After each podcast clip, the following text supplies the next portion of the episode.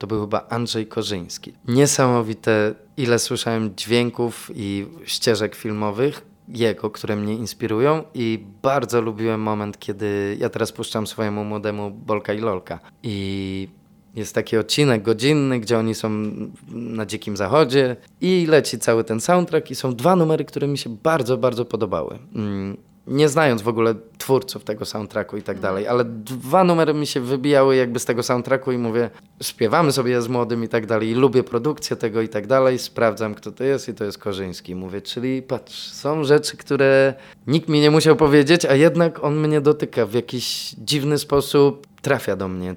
Wybór akordów, nie wiem. em, I to widzę trochę jako dowód na to, że jest coś metafizycznego w tych dźwiękach, że ktoś potrafi do mnie przemawiać swoim językiem i właśnie we mnie trafiać.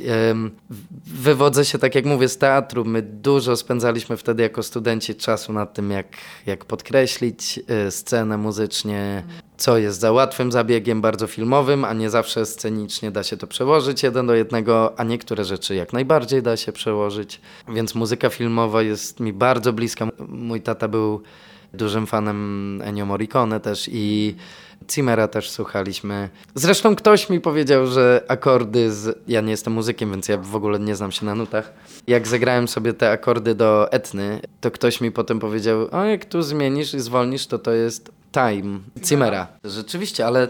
I mówię, ale to co, kopia? I mówię, nie, akurat powtarzanie takich akordów to nie jest w ogóle, to wszystkie już były raz zagrane wszędzie, więc to nie o to chodzi, tylko mówię, że jakby co, to trafiłeś w tą melodię i mówię, to patrz, musiała, musiała mi towarzyszyć gdzieś podskórnie. Często prostota jest naj, najszybszą drogą do naszych dusz i serc, tak? E, więc tak, muzyka filmowa, niezależnie od tego, czy jest wokalem, czy bez, jeśli podkreśla scenę, oglądałaś Świat według Amelii, tak było, taki był tytuł? Amelia. Amelia, po prostu. No Jan Tiersen, co tam przecież, co to jest za soundtrack? Całą jedną generację wychował. Jeśli chodzi o, o hipsterskich słuchaczy, do tego się liczę. Zrobiło nam to wielką robotę. A ktoś mógłby powiedzieć akordeon, ten, to przecież to u nas zakazane instrumenty.